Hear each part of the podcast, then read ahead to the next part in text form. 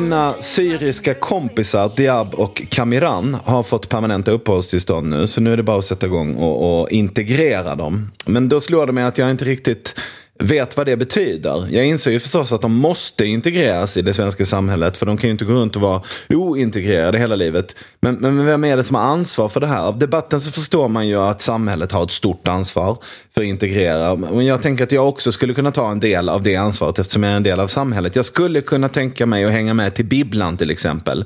Och visa hur man fixar lånekort. Och jag kan visa var det växer kantareller. Jag kan visa var man köper fiskekort och, och sånt. Men resten, liksom, resten av integrationen, det vet jag inte riktigt. Jag vet inte ens vad resten är. Kanske är det så att integration är en icke-fråga. Att det inte är konstigare än att de här invandrarna får väl ta reda på vilka lagar som gäller här. Så får de utbilda sig till någonting som behövs här och nu. Och i övrigt så får de äta fårtestiklar och lyssna på Bollywoodmusik hela dagarna om de vill. De har ju mitt nummer om det är något de undrar.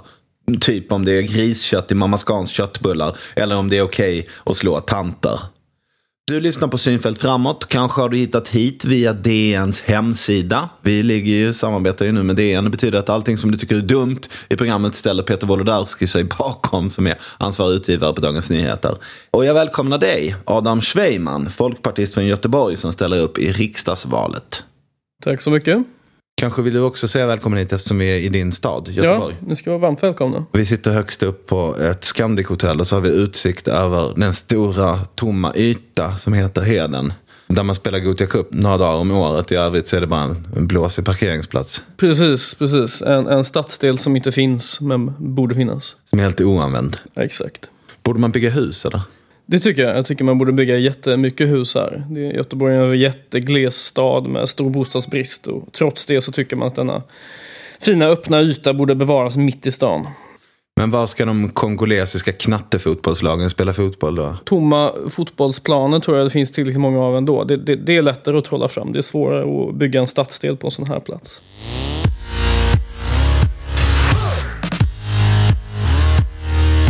Vi ska börja med att göra en snabbkoll. Har vi för låga minimilöner i Sverige? De är, det är för, för höga minimilöner i Sverige. De är för höga, ja.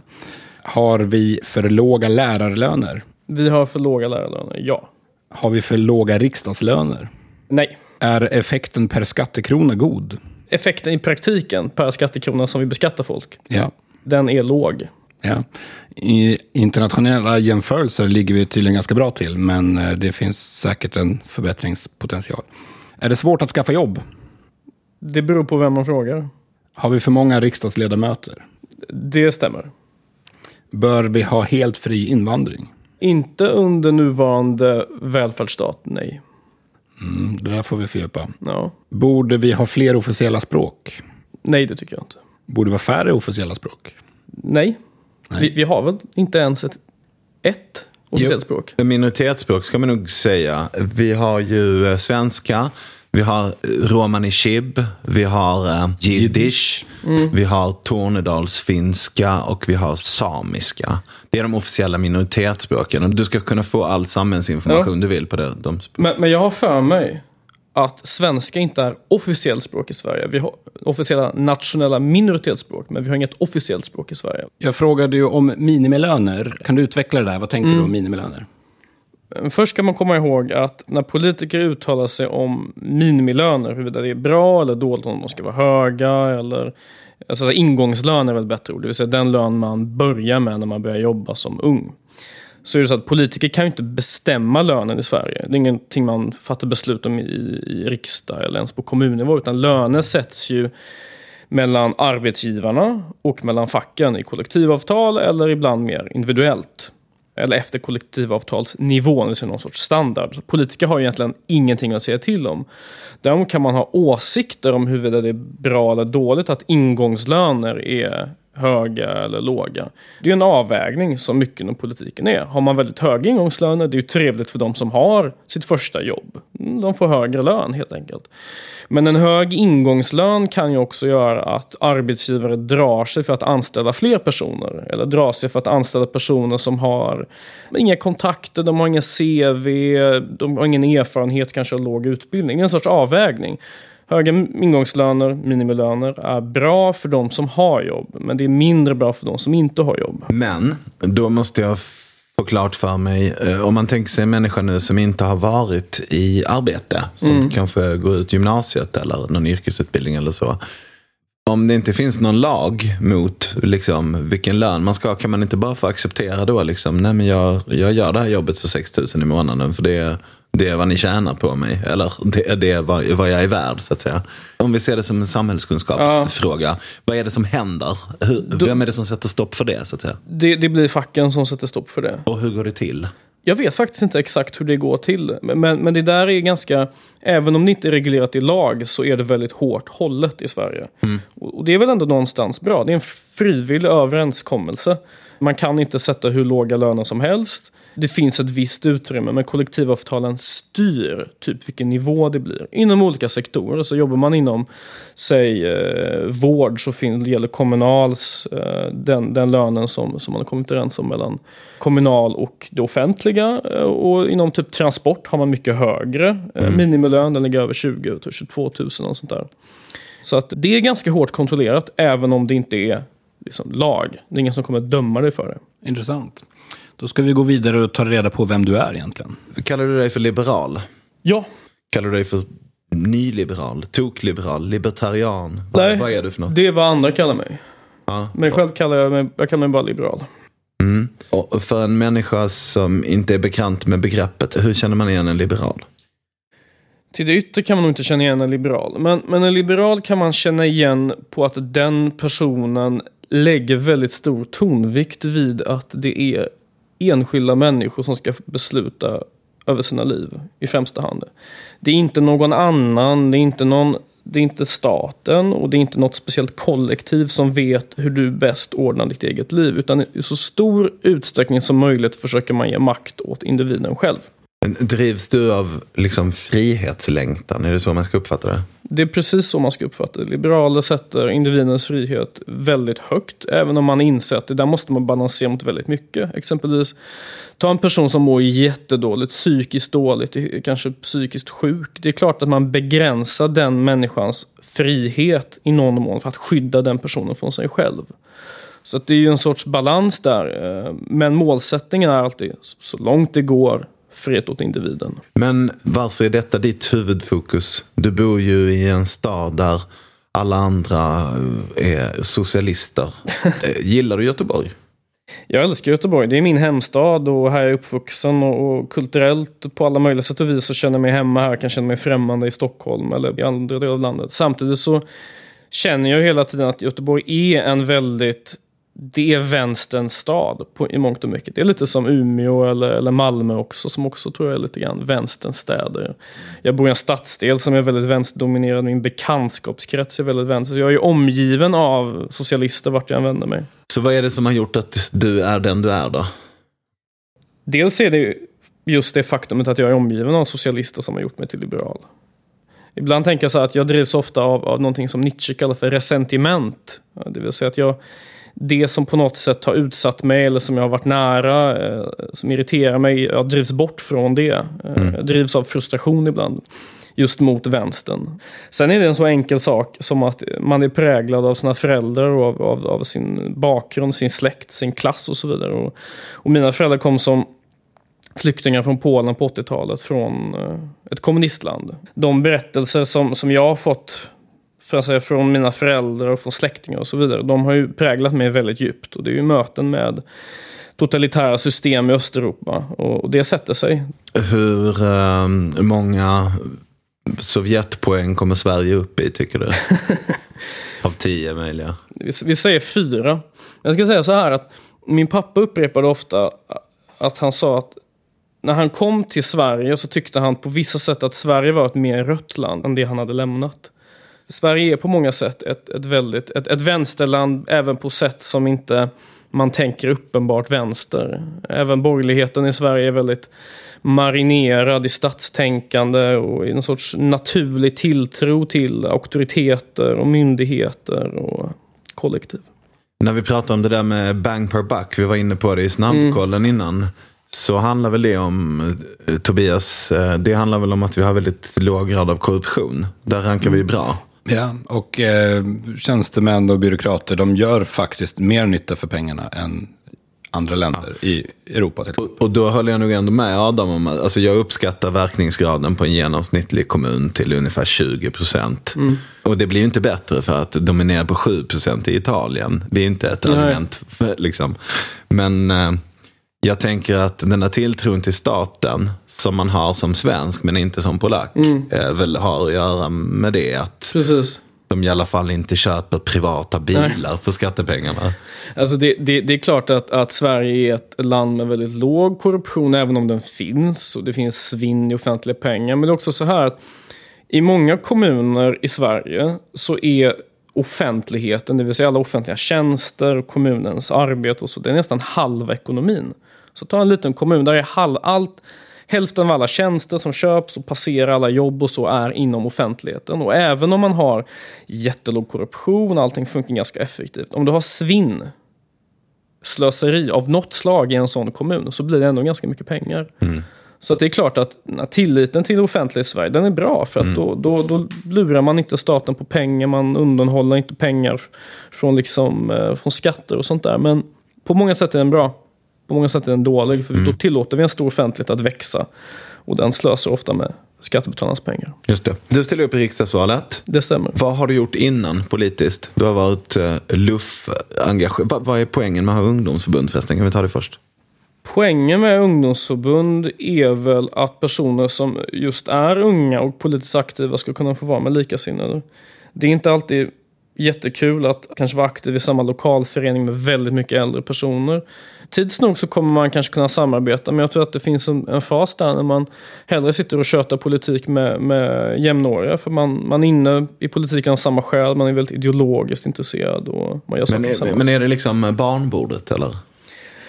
Man kan väl säga det. Samtidigt så är det så att jag upplever, jag har ju sett både moderparti och ungdomsförbund och jag tycker att ungdomsförbunden ibland håller en högre nivå ideologiskt. Det blir som en sorts ideologisk lekskola lite grann, fast på fullt allvar ändå.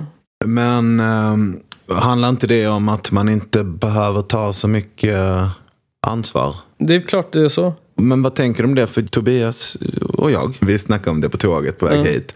Att det är lätt att vara liberal innan man kommer in i riksdagen. När man kommer in i riksdagen så helt plötsligt så omfattas allting av statens ansvarsområden. Och man, eh, om man är lite liberalt eh, sinnad själv så hoppas man ju alltid på sådana som dig. Att när han kommer in då, kommer de, då, då ska han börja skära.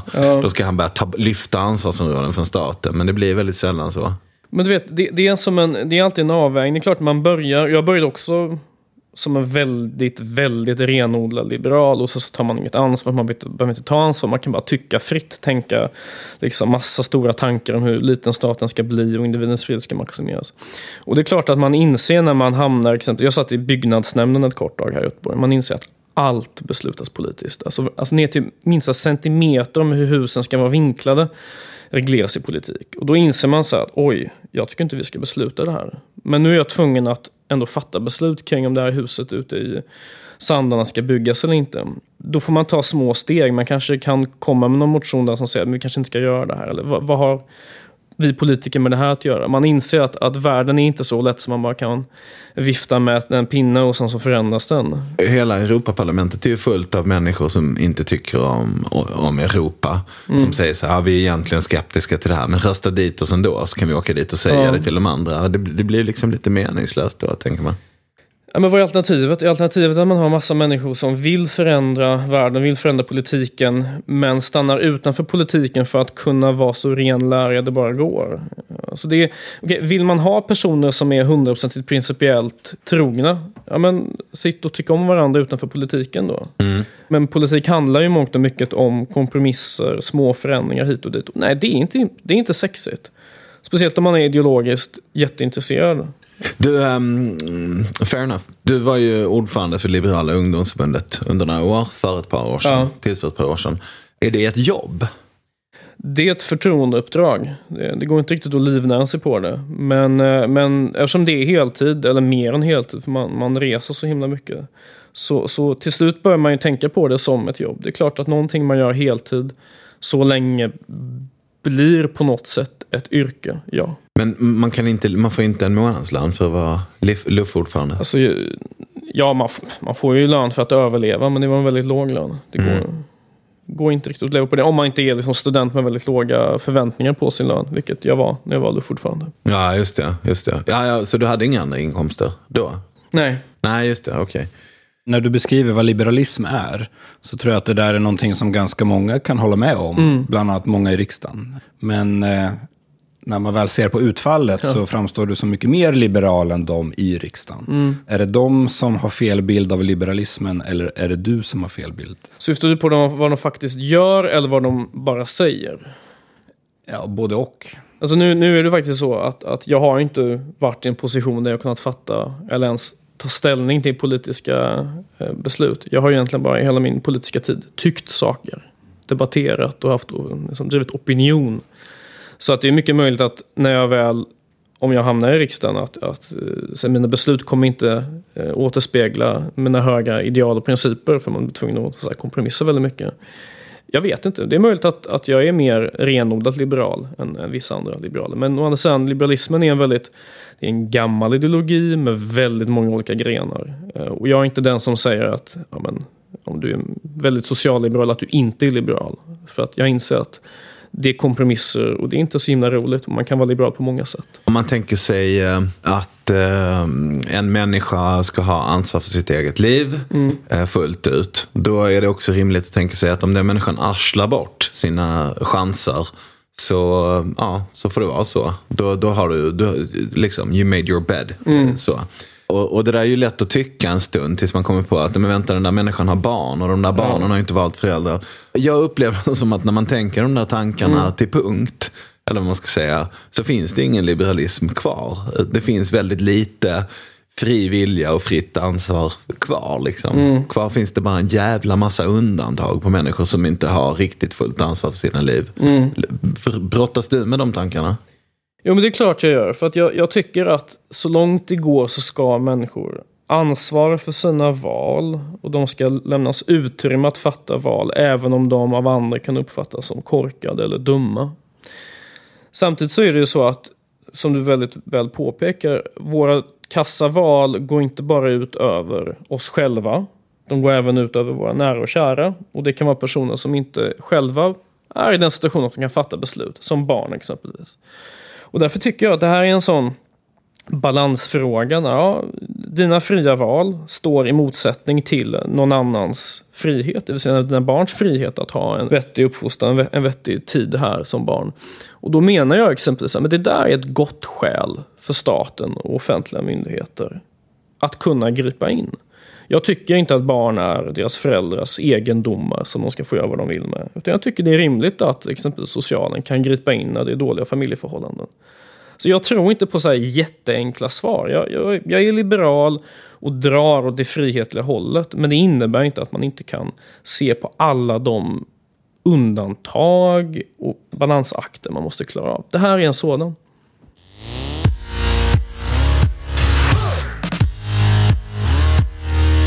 Då ska vi gå in på att eh, fördjupa politikområdet integration, ja. som du har jobbat med en del. Varför tycker du att det här är ett viktigt område?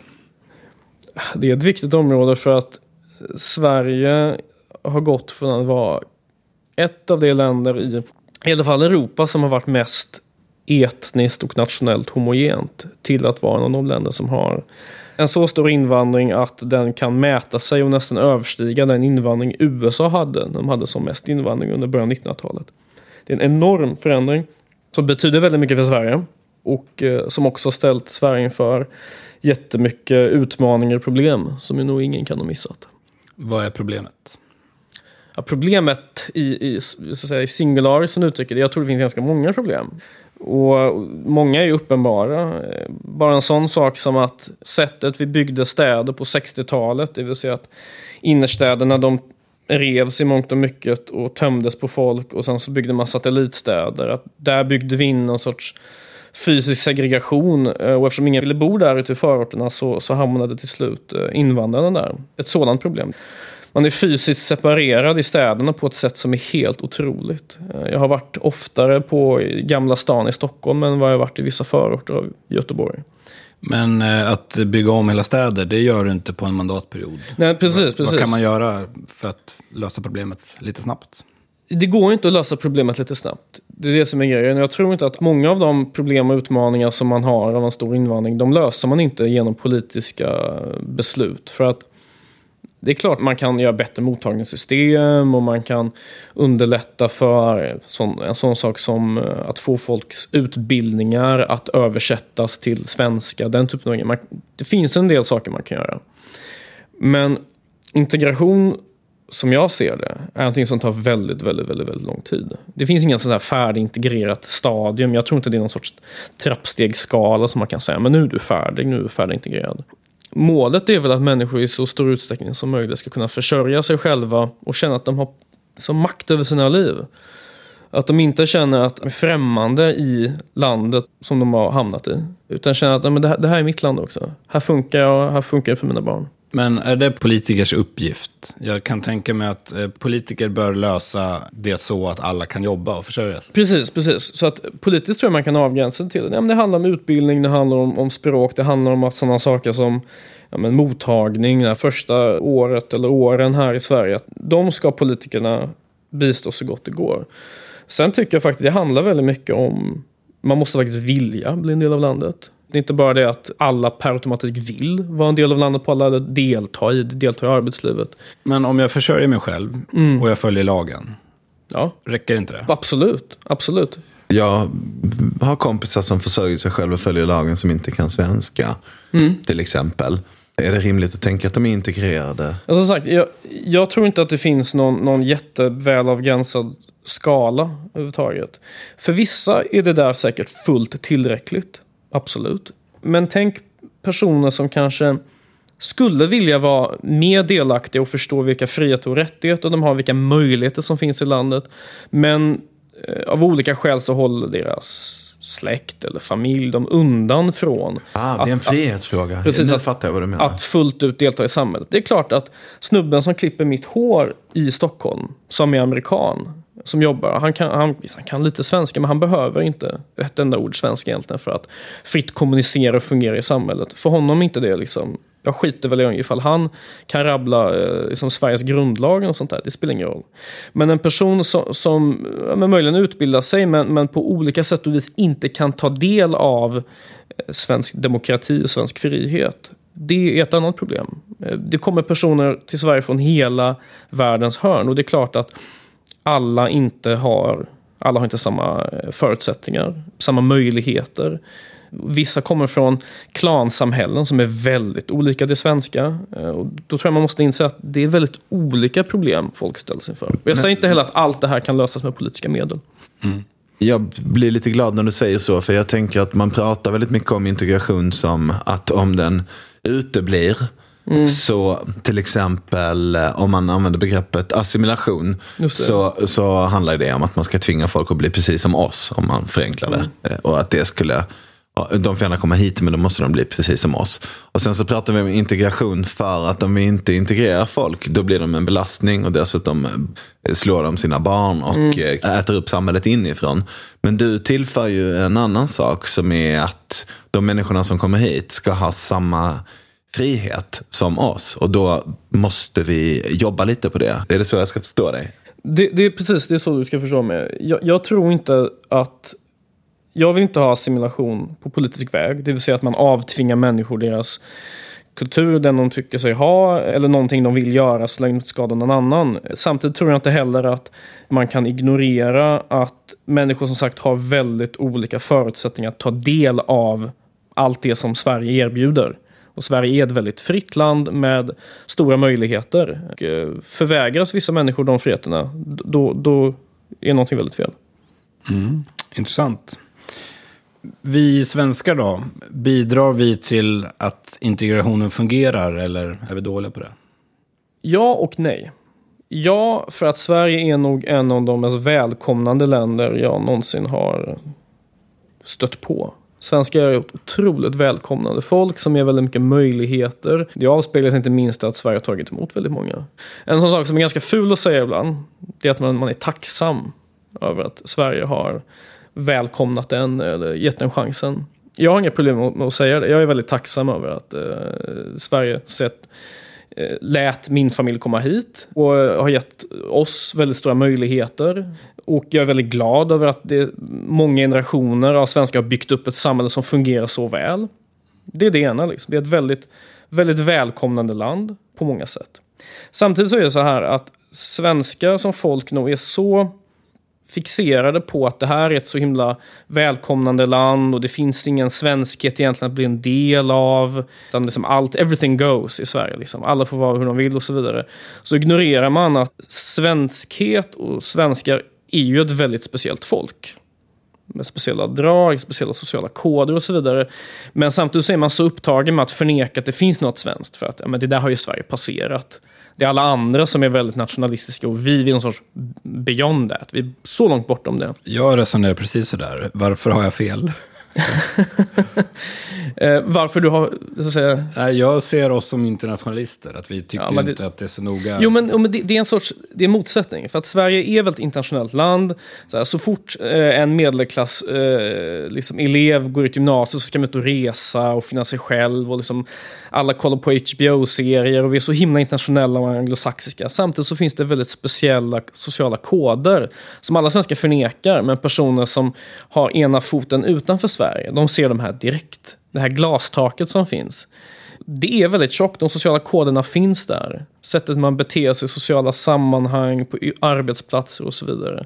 Det är en väldigt intressant motsättning som kan göra det väldigt svårt för personer med rötter i utlandet eller som har kommit till Sverige att bli en del av Sverige. Samtidigt som svenskar envisas med att säga att det finns ingen svenskhet, vadå vi?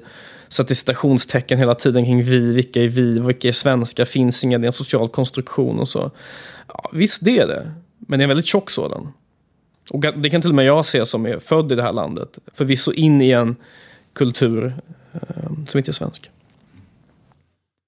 Men jag måste stanna kvar lite vid, vi har fastnat vid bilden av Rinkeby när vi mm. pratade om det där med hur man byggde med satellitstäderna. Så, ja. När man byggde miljonprogrammen och sådär så la man grunden till en del av den, i alla fall fysiska segregationen som mm. är ett faktum idag. Men jag tänker, måste det vara ett problem? Måste det vara ett problem att en hel stadsdel är full av människor som kommer från Iran? Mm. Så här, är det inte bara en fråga om, om de har rätt att gå till biblioteket, mm. om de lyckas försörja sig, om de mår bra. Spelar väl fan ingen roll. Låt dem prata. Låt, gör persiska till ett minoritetsspråk då. Så får vi samhällsinformation på persiska. Alltså, finns det någonting, är vi lite narrow-minded vad det, mm. gäller de här, vad det gäller målbilden ibland kanske? Eller? Ja, du, du, har, du har en poäng där. Ehm, jag tror inte det är ett problem att, att man har, eh, men ta ta New York kring sekelskift, förra sekelskiftet. Men då hade du liksom Lower East Side, det bodde bara en massa polska judar där. Du hade ett, en stadsdel bara bodde greker. Det var fortfarande så.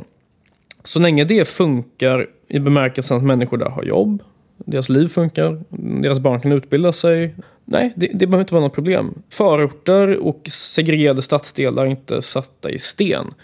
Och människorna som bor där bor kanske bara där i en eller två generationer. Det kan man redan se nu att de invandrare som kom till Sverige på 60 och 70-talet som kanske bodde där, ja, men de har flyttat bort. De har flyttat till villaförorter eller de har flyttat till andra stadsdelar. Det är en sån rörelse. Det blir ett problem först när isolationen är kombinerad med arbetslöshet, med hopplöshet, med oförmåga att ta sig därifrån. Det är först då det blir ett problem att folk bor i samma stadsdel, det är inga konstigheter. Jag brukar alltid säga när jag snackar om integration inför någon grupp som jag inte pratat med tidigare, att ja, men det är klart, skulle vi i den här salen, om jag har som en sal med typ 30 pers, det är klart, skulle vi på grund av krig tvingas flytta till Tadzjikistan, då förmodar jag att vi skulle bo i samma kåk. Och att vi skulle fika ner i källaren och kolla på Melodifestivalen.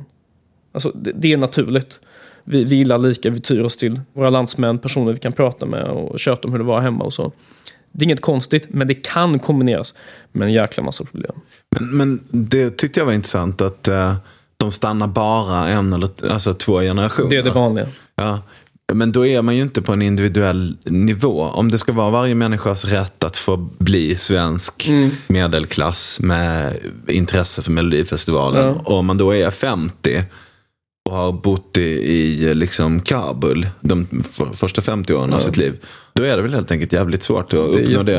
Behöver vi acceptera det kanske? Eller behöver vi sänka ribban lite då? Eller? Alltså det, jag tror inte man bara kan sänka ribban på det sättet till vad, som, vad det är att vara en del av någon sorts offentlig eh, någon sorts mainstream-kultur. Det är klart att det är jättesvårt om man är äldre att hela ens liv har präglats av ett annat land och en annan kultur. Det är klart det är enklare om man är född här eller kanske i det tidiga 20 men jag tar min egen far som exempel. Han kom hit när han var 24. Jag tror aldrig riktigt han blev... Han älskar Sverige. Han, nu, nu bor han i Polen faktiskt. Han flyttade tillbaka efter 14 år. Jag tror aldrig han riktigt blev en del av Sverige. Jag tror inte han riktigt kunde liksom sätta ner rötterna här och så. Så han flyttade tillbaka. Medan min mamma i mycket större utsträckning bestämde sig för att det här är mitt land. Det är det här som gäller nu. Det är väldigt individuellt det där. Och det är klart att åldern, ju högre den är, försvårar. Så är det. Och jag tror inte man bara kan ta bort ribban eller liknande. Länder är svåra att komma in i. Och länder kan ju vara märkliga även för någon som bor i landet. Det är därför vi har mycket subkulturer. Och Sverige är inte ett. Sverige är inte bara fotboll och Melodifestivalen. Även om det för väldigt många är så att säga, mittfåran. Men jag bor ju i Sverige och upplever mig som en del av så att säga någon sorts eh, svensk mittenfåra. Men jag är helt ointresserad av de här stora publika sakerna som Melodifestival och fotboll. Men jag har hittat mina egna nischer som är väldigt svenska på något sätt. I snabbkollen så sa du att du gärna skulle se fri invandring, men det skulle komma med lite förbehåll. Hur, hur tänkte du då? Jag tror det är svårt att ha helt fri rörlighet av eh, alla andra än arbetskraftsinvandrare. Det har vi idag. Får man ett jobb i Sverige så får man komma till Sverige. I den bemärkelsen har vi fri rörlighet från Europa och från personer som kan få ett jobb i Sverige. Men fri invandring direkt till bidragsberoende fungerar inte i ett land som har en så omfattande välfärdsstat som Sverige. Det går inte, det är inte samhällsekonomiskt liksom försvarbart. Med en mindre stat, med en mindre omfattande social omsorg, då skulle det kunna gå. Är det ett eh, önskat läge, eller? Inte för att just med skälet att få större invandring. Jag tycker det finns ett egenvärde i att ha en mindre stat än vad vi har i Sverige. Det finns ju också ett egenvärde i att ja, vi bor i ett stort, relativt tomt land med massor med outnyttjade resurser. I till exempel Syrien finns det massor med människor som behöver någonstans att ta vägen. Skulle det kunna vara en tanke att man eh, drar ner på ambitionerna lite? Att man skulle kunna ha två sorters medborgarskap? Där man inte är fullt ut omfattad av socialförsäkringssystemet. Men det är kanske ändå bättre än att drunkna i en gummibåt utanför Lampedusa. Jag tror att det där är en sån lösning som i praktiken fungerar i vissa länder. Men det sticker så mycket i ögonen. Av goda skäl. Det är principiellt konstigt att ha olika nivåer av medborgarskap. Det, är liksom, det går emot grundvalen av en liberal demokrati. Samtidigt så kan man ställa sig frågan så här. Är det bättre att personer som bor i Bangladesh och är urfattiga, att de antingen jobbar i Qatar, dör i arbetsplatsolyckor och jobbar till en låg lön, men bättre än vad de hade kunnat göra hemma? Eller förbjuds komma dit överhuvudtaget? För i det landet, i Qatar, många stater kring arabiska halvön, så, så är det i praktiken så. Det vill säga, du har noll rättigheter i princip. Du kan utvisas direkt. Men du får jobba där. Och det är pengar som går till, till Bangladesh och går till din familj. Och en stor del av Bangladesh ekonomi består av sådana hemskickade pengar. Och det är klart, i den bästa av världar så är det så här, nej, de ska givetvis få stanna och jobba där och även ha rättigheter. Men om det inte är valen som man kan välja mellan. För, för jag tänker att eh, det är väl egentligen lite samma resonemang som det där med lägstalöner. Mm. När, eh, när det var dags för eh, val igen där 2006 så lämnade den gamla regeringen ifrån sig, tror jag, 7 arbetslöshet. Mm. Och det var mitt i en högkonjunktur. Och det kan ju en genomsnittlig Sankt Bernhardshund räkna ut att om det är högkonjunktur och hög arbetslöshet så måste det ju vara något det måste ju vara någon ratt som man kan dra i. Jag tänker att om det finns eh, regler som gör att man ska betala folk eh, mer än vad de är förmögna att producera varor och tjänster för. Så är det ingen som är intresserad av att göra den. Ingen Precis. som är intresserad av att ge dem lön. Vad vill jag komma med det? Jag vet inte. Alltså det, åk till USA och sätt dig på en diner. Så kommer någon fylla på ett vatten. Liksom, så fort glaset är tomt kommer någon fylla på ett vatten. Gå till en frisörsalong i Flushing i Queens. Fyra personer kommer vidröra ditt huvud medan du är i frisörsalongen. Eller gå till en supermarket och någon packar dina, dina varor, liksom, vilket ju alla i Sverige gör själva. Den typen av, av så att säga, arbeten som kräver väldigt lite utbildning eller kunskap. Vi har rationaliserat bort sådana jobb i Sverige. För att det är inte lönsamt att ha den typen av arbeten. Och det är en avvägning. För att i Sverige så riktar vi oss in på att ha eh, arbeten som kräver väldigt hög utbildning. Oftast väldigt mycket social kunskap. Språkliga färdigheter och så vidare. Och då kommer personer som inte har det här. Eller som det tar jättelång tid att få de kunskaperna. De kommer inte komma in på arbetsmarknaden alls. Det är ett val vi har gjort. Sverige har tagit emot väldigt många människor som absolut aldrig någonsin kommer komma in på arbetsmarknaden. Min farmor var en sån person. Hon kom hit när hon var 60 plus. Eller så, kanske sena 50 var hon. Hon jobbade som ryska lärare hela sitt liv, var högutbildad, hade två magisterexamina, hade skrivit flera böcker och var vansinnigt välutbildad. Det fanns ingenting hon kunde göra i det här landet. Hon jobbade lite grann inom fritids och så. Det finns väldigt många sådana människor i Sverige. Och jag tycker det är jättebra att vi tar emot människor som är på flykt. Liksom. Men vi ska inte göra en illusion om att alla kommer inte hamna i arbete. Det är den avvägningen vi gör. Och väldigt många andra människor som kanske inte kommer kunna utbilda sig till, till ingenjörer och IT-tekniker och så vidare. De kommer inte heller få jobb för att vi har inte det här segmentet av, eller väldigt, väldigt få sådana arbeten. Ja, men är det inte det som är problemet då? För att eh, innan rutavdraget så var det mindre lönsamt för en läkare att anlita städhjälp än att städa Ja. Så där är det ju såklart för alla i princip, att det, det är för dyrt att anlita varandra. Ja. Är det inte det som är problemet? Jo, och det, man kan göra mycket åt det. Jag, jag tror definitivt att rutavdraget har varit en sådan reform och sådana förändringar som har gjort att betydligt fler som kommer till Sverige, kanske temporärt, kan hitta ett arbete för att städsektorn blev så, eller blev större i alla fall. Men jag tror inte att Sverige på väldigt lång tid kommer vara moget för en större lönespridning. För att det sticker i ögonen. Man säger inte så öppet, men man, jag tror man egentligen hellre ser att folk är arbetslösa och går på någon sorts bidrag eller vidareutbildar sig än att de jobbar till en låg lön. Ja, ja, och det är där vi behöver eh, goda liberaler som skiter i att det sticker i ögonen och som eh, vrider lite på det där. Tycker inte du det? Jo, men så, som jag inledde med här så är politikers möjlighet att sätta löner är obefintlig. Det går att göra indirekt genom att man exempelvis försvarar bemanningssektorn som ju faktiskt erbjuder något lägre lön för personer med kort utbildning att komma in, få ett arbete ett kort tag. Vänsterpartiet vill ju mer eller mindre förbjuda bemanningsföretag av precis samma skäl. För de vill ju inte se att bemanningsföretag kommer in där och flexar in några tjommar som får jobba till lite lägre lön. Det finns sätt att komma runt där. Lärlingsanställningar är en sådan sak som Folkpartiet föreslog. Vilket i praktiken innebär att du får jobba till ganska låg lön. Men det är en del av din utbildning och så får du någonting på ditt CV. Alltså man kan trixa lite i marginalen. Men Sverige kommer inte bli USA. Vi kommer inte ha den här personen som häller upp ditt vatten på dinern eller packar dina varor. Det är på något sätt inte inne i den svenska självbilden. Den svenska självbilden handlar om jämlikhet.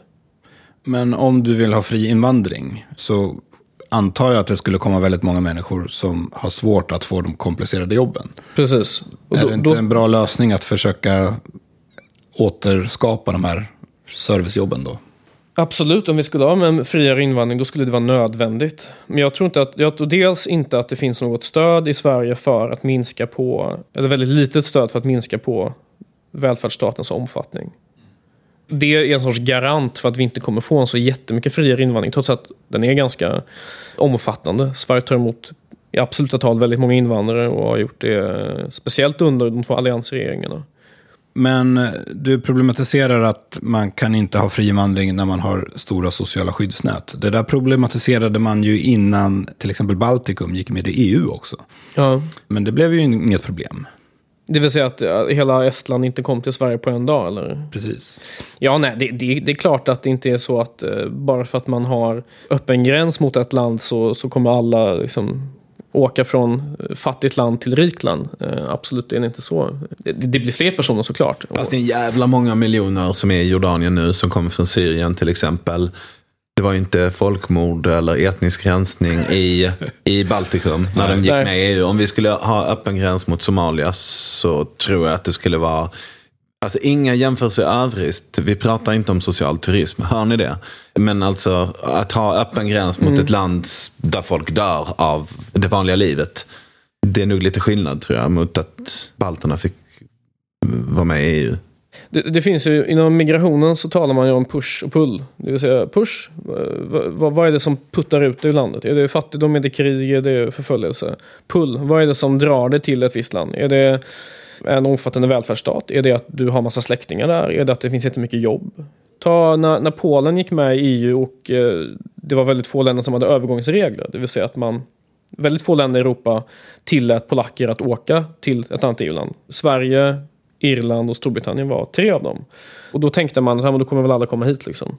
Nej, det gjorde de inte. De åkte, de åkte faktiskt till Irland och eh, Storbritannien. För där fanns det jobb. Och det var lättare att få jobb där. Det, är, alltså, det handlar om, om mer än en och en halv miljon människor. Alltså. Det gick ju så långt när man talade om en föräldralös generation. För att alla barnen som stannade i Polen fick bo med sina mor och farföräldrar. De kom inte till Sverige trots att de kunde göra det. Men de kom inte till Sverige för att det inte fanns jobb. Och då är det ändå så att de flesta som anlitat en byggare de senaste tio åren i Sverige har nog stött på polska byggarbetare. Nu sitter vi här och pratar och är positiva till invandring. Men om man är negativ och skeptisk mot invandring så finns det en tendens att man gärna pratar om att man ska hjälpa i närområdet istället. Om man pratar om UNHCR. Finns det någon rimlighet i det? Att man ska lägga pengarna istället på att hjälpa folk som har flytt från till exempel Syrien till Jordanien. Och så får FN ta hand om problemet istället. Jag tycker man kan göra både och. Det är inget nollsummespel. Vissa människor vill inte emigrera, de vill vänta och komma tillbaka så fort som möjligt. De kan behöva hjälp i flyktinglägret. Vissa människor kan inte stanna kvar. En person som är homosexuell och flyr från en religiös diktatur som Iran vill nog inte bo i flyktingläger för att landet kommer inte vara välkomnat på ett bra tag. Så att det är inget antingen eller. Och det är klart att det är praktiskt för vissa att säga att ja, men, det är där vi ska satsa istället. Men flyktingar är en otroligt mångfacetterad grupp och alla kan inte bo i flyktingläger. Okej, tack.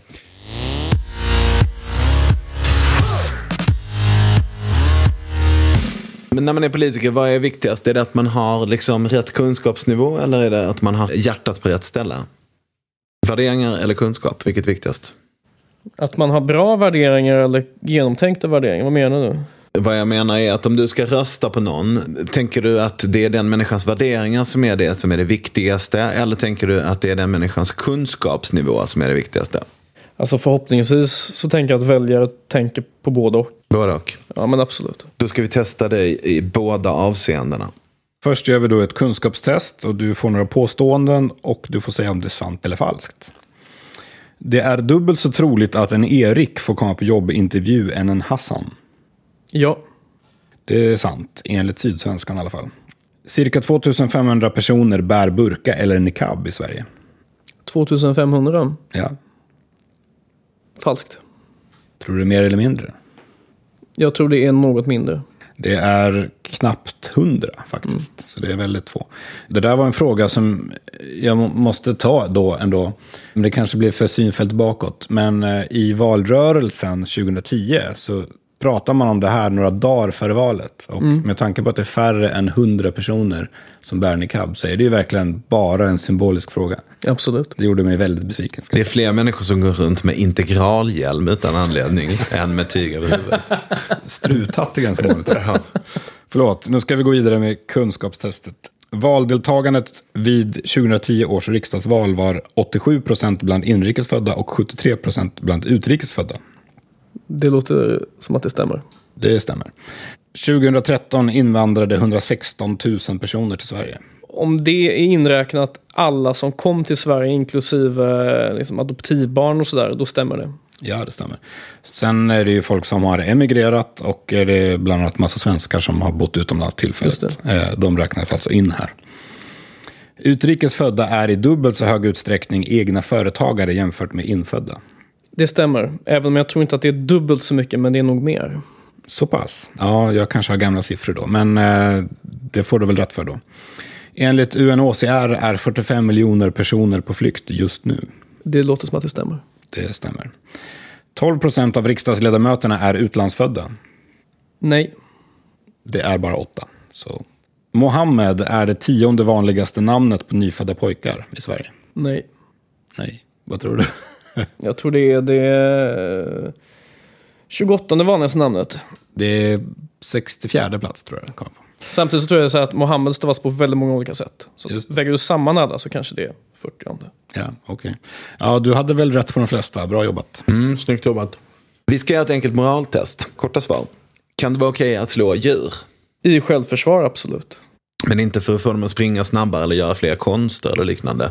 Nej, det tycker jag känns väldigt onödigt. Men får man äta upp dem då? Det är en fråga jag är kluven i faktiskt. Men, eh, men jag, jag äter djur. Du äter djur, men är idealet att vara vegetarian eller? Det är en sån fråga som är svår för liberaler att handskas med. Det är ungefär som barn och djur, brukar man säga, är komplicerade för liberalismen. Får man slå barn? Nej, det tycker jag inte. Men kan det vara okej att slå vuxna människor då? I självförsvar. Kan det vara okej att slå talibaner? Eh, ja, då, om de är ett hot för någon annan. Ja, jag gissar att vi har prickskyttar som skjuter talibaner i Ja, Afghanistan precis. till exempel. Det är en upplyst gissning för övrigt. Ja. Ja, eh, vi har ju soldater som slåss och det är ju riktigt krig. Liksom. Men det, det är inte nödvändigtvis fel, eller? Nej. Kan det vara okej att eh, kissa offentligt? Buske på heden? Finns inga buskar. Alltså, måste man så måste man, men då får man väl ta sitt straff om en polis går förbi. Kan det vara okej att knarka lite? Om det inte skadar någon annan, men sen är det ju dessutom belagt med straff, så då får man ta sitt straff. Ja, men det här är en fråga om dina värderingar. Tycker du att, fördömer du en människa som knarkar eller gör Nej, det gör, inte? jag, jag fördömer inte den personen. Kan det vara okej att köpa sex? Ja, mellan samtyckande parter. Eh, sen är det ju förbjudet.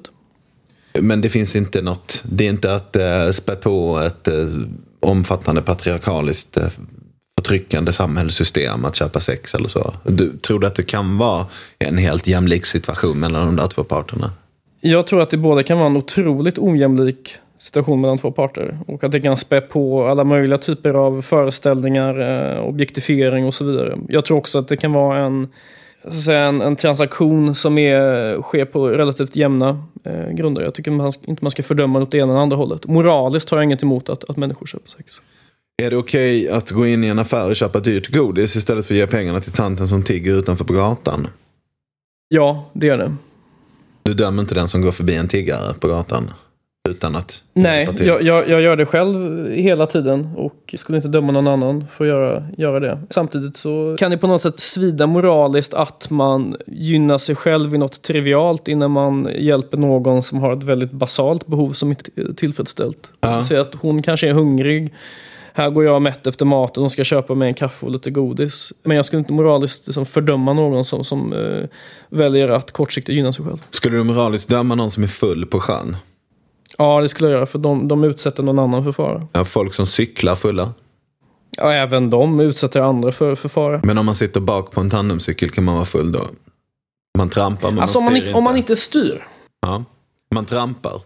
Man kan hjälpa till att hålla en för hög Alltså, men då, är- då är man, så här, man, man är skyldig till hälften för man, man kanske ökar farten extra mycket. Men man är bara lite skyldig för det är den som styr som har huvudansvaret. Ja, ja okej. Ja, men det är bra. Nu har vi också mätt din förmåga att hantera komplexa resonemang.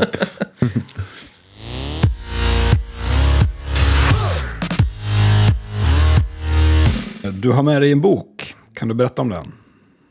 Jag har med mig en bok och den heter Vägen till träldom av Friedrich Hayek. Det är en bok som har betytt väldigt mycket för mig. Det var nog den boken som gav mig ett språk för att eh, beskriva mina liberala tankar en gång i tiden. Och, och den, eh, den var en riktig ögonöppnare för mig. Vad är vägen till träldom? Han syftar på en väg. Mm. Vad, vad, vad är det? Han skrev den slutet av andra världskriget och han, han såg två stycken ofantligt destruktiva system. Kommunismen och nazismen som var totalt statscentrerade. Och han såg att det, det var en sorts små stegens tyranni. Många, många, många, många små steg för att underställa allt i människornas liv och hela värld. Underställa allting staten. Och han såg att det, fanns ett, det var en sorts väg till tyranni, väg till träldom. Även om han, han kanske var jättehård mot välfärdssamhällen, men han såg att, att det, det fanns ibland liknande tendenser att underställa allting eh, statens totala planering. Och han skrev i den boken att när inte du planerar, du som individ, då planerar staten. Och så är det. Det är ett nollsummespel. Mm. intressant. Jag tror att vi är friare än någonsin förut. Samtidigt så, det här med övervakning och, och så vidare, det, det är en fight det där mm. tror jag. Mm.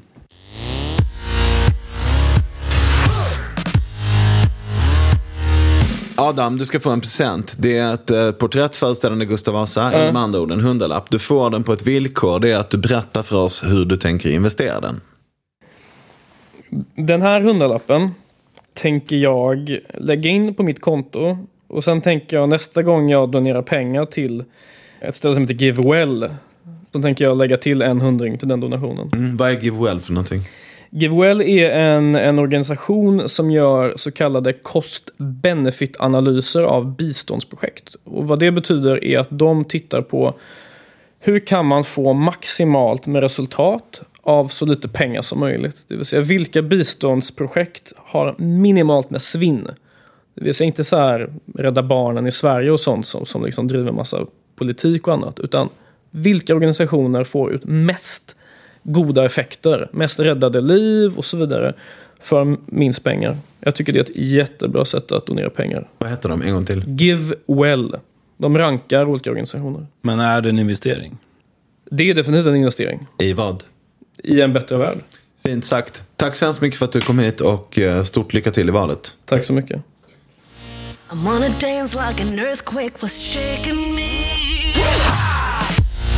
I'm gonna sing like my heroes were with me.